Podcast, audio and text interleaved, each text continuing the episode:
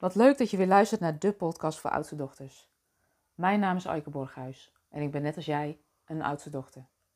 En in deze podcast wil ik het graag met je hebben over waar leg jij de prioriteit? Want de kans is groot dat je regelmatig hebt besloten en vanaf nu ga ik het anders doen.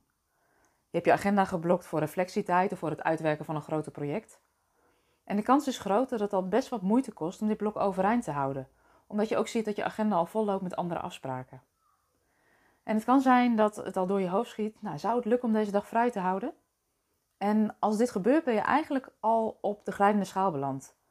Want wat er dan gebeurt, is dat je eigenlijk al geneigd bent om mee te bewegen met de ander, in plaats van deze tijd en ruimte echt voor jezelf te claimen.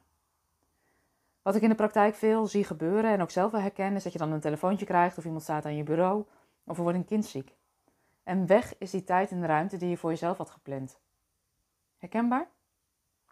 Dit is een valkuil die veel van de oudste met wie ik werk wel herkennen. Ze zijn gericht op het versterken van het geheel. Ze willen ook dat het goed gaat met alles en iedereen.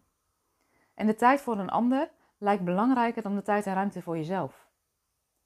Ze springen in gaten die vallen of die dreigen te vallen. En vervolgens bekritiseren ze zichzelf ook nog eens omdat ze niet hebben gedaan of hebben afgerond wat ze eigenlijk hadden willen doen.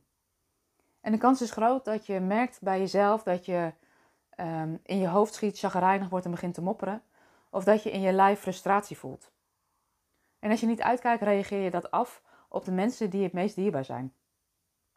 En dat is dus niet zo helpend. Maar dat het gebeurt is niet zo gek. Oudste dochters zijn namelijk zorgzaam en gericht op het versterken van het geheel. Ze vergeten alleen vaak dat ze zelf ook onderdeel zijn van dit geheel. En dat het belangrijk is dat ze ook eerst voor zichzelf zorgen. En dat hebben ze vaak niet geleerd. Wat ik terughoor van de deelnemers die nu meedoen aan de jaargroep, is dat ze vaak best even getwijfeld hebben of ze mee zouden doen. Het vraagt namelijk wel dat je jezelf gunt om iedere maand een dag de tijd en de ruimte te nemen voor jou. Om stil te staan bij wat vind ik belangrijk? Wat is voor mij van waarde? Wat wil ik betekenen in de wereld? Voor mezelf, voor mijn omgeving? Het vraagt dus commitment.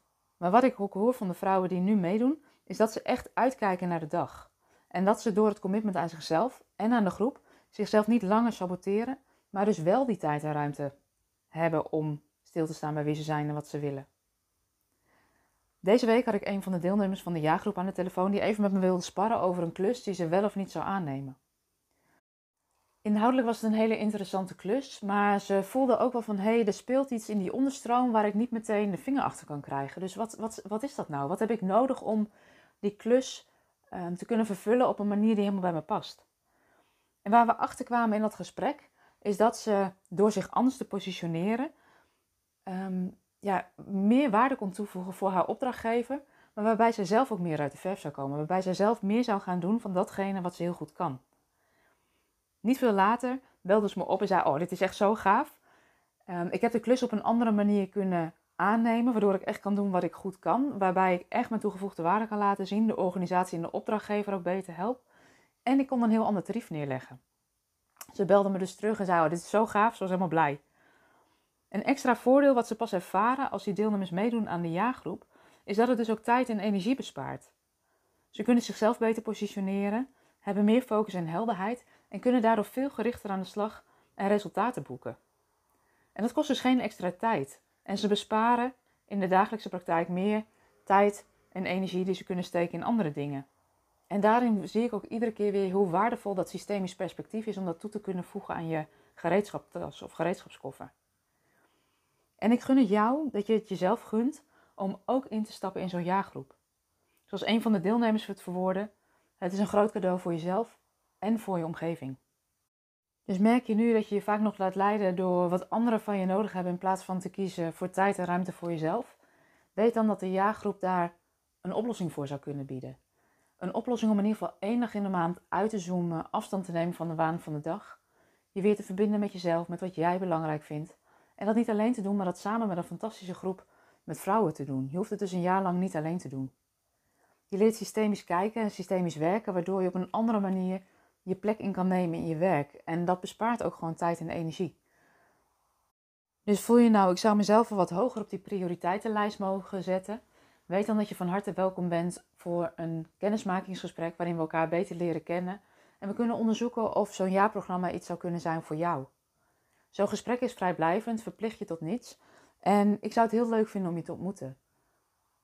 Mocht je dat nou ook willen, neem dan een kijkje op de website www.oudstedochter.com. Onder het jaarprogramma kan je zien hoe zo'n jaarprogramma er ook uitziet. Maar maak vooral een afspraak met me um, en dan ontmoet ik je heel graag.